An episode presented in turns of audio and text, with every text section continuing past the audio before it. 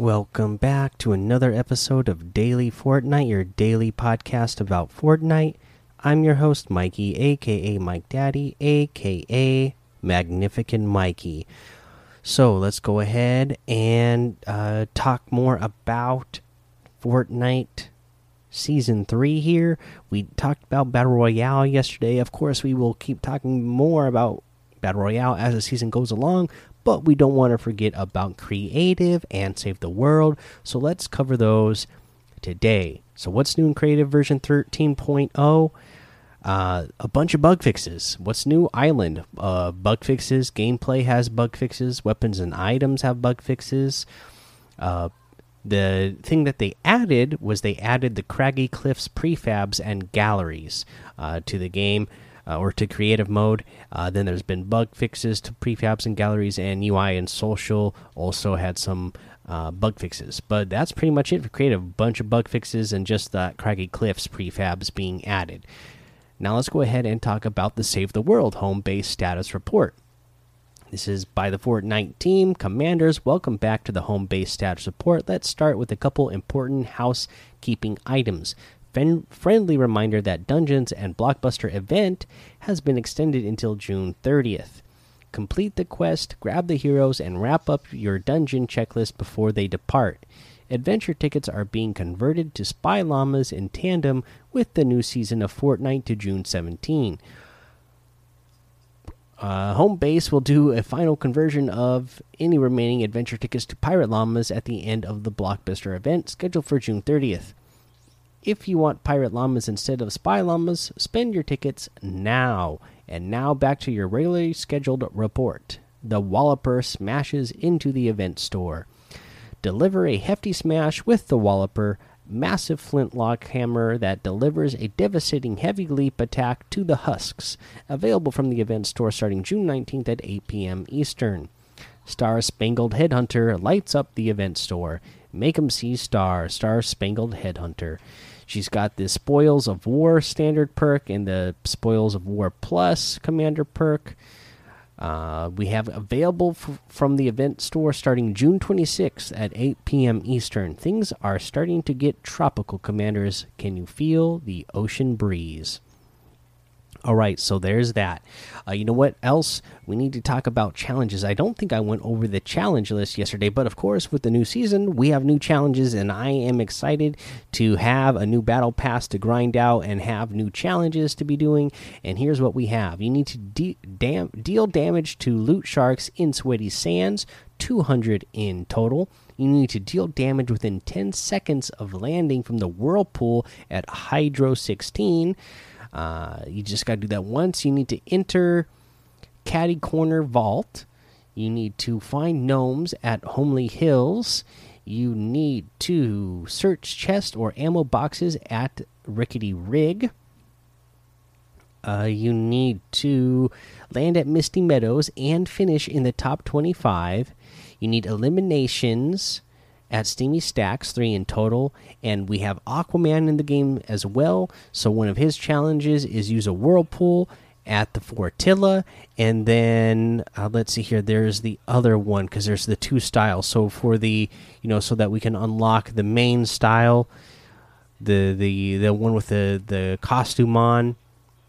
That was the one I just mentioned. The use a whirlpool at the Fortilla, and then if you want to get the Aquaman Arthur Curry version, you need to dive over the waterfall at Gorgeous Gorge while wearing the Aquaman outfit. So, oh, okay, so we can't do that until we have unlocked Aquaman himself. So, I guess we got a little while before uh, we're going to do that. There you go.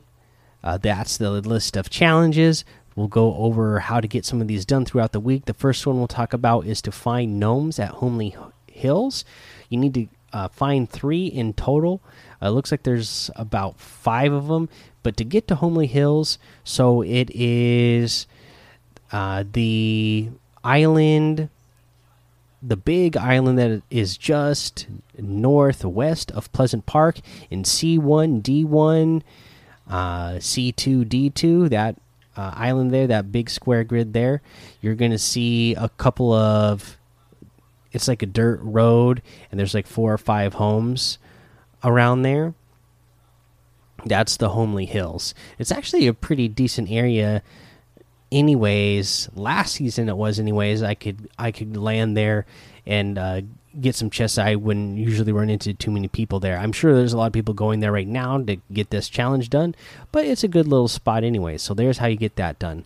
Let's go ahead uh, take a break here and then we'll come back go over the item shop and our tip of the day. All right let's go ahead and go over the item shop first. Uh, and in today's item shop, we got a new item the Trench Trawler Outfit Strange Secrets Sleep Deep Beneath the Waves, part of the Watery Grave set.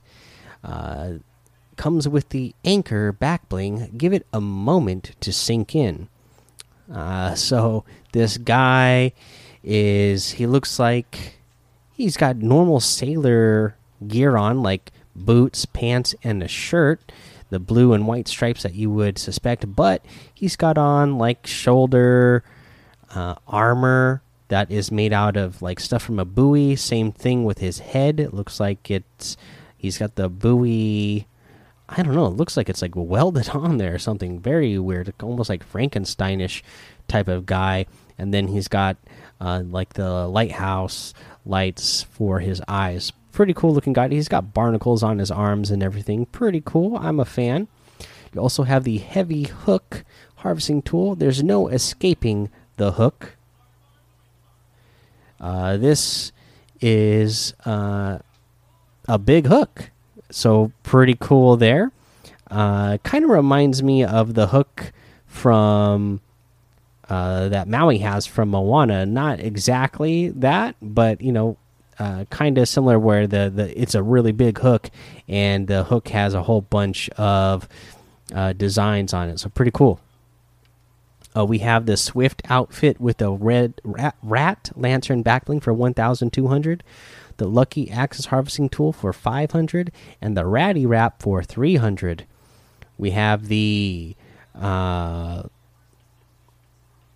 Malcore outfit with the Malcore wings backbling for 1500, the Arc outfit with the Arc wings backbling for 2000, the Divine wrap for 500, the Virtue harvesting tool for 800 and the Evil Eye harvesting tool for 1200. We have the Cloaked Shadow outfit with the Shadow wings backbling for 1500, the Spectral Axe harvesting tool for 800 the Electro Swing emote for 500, the Jubilation emote for 200, the Laugh It Up emote for 500, and the Verge outfit for 800.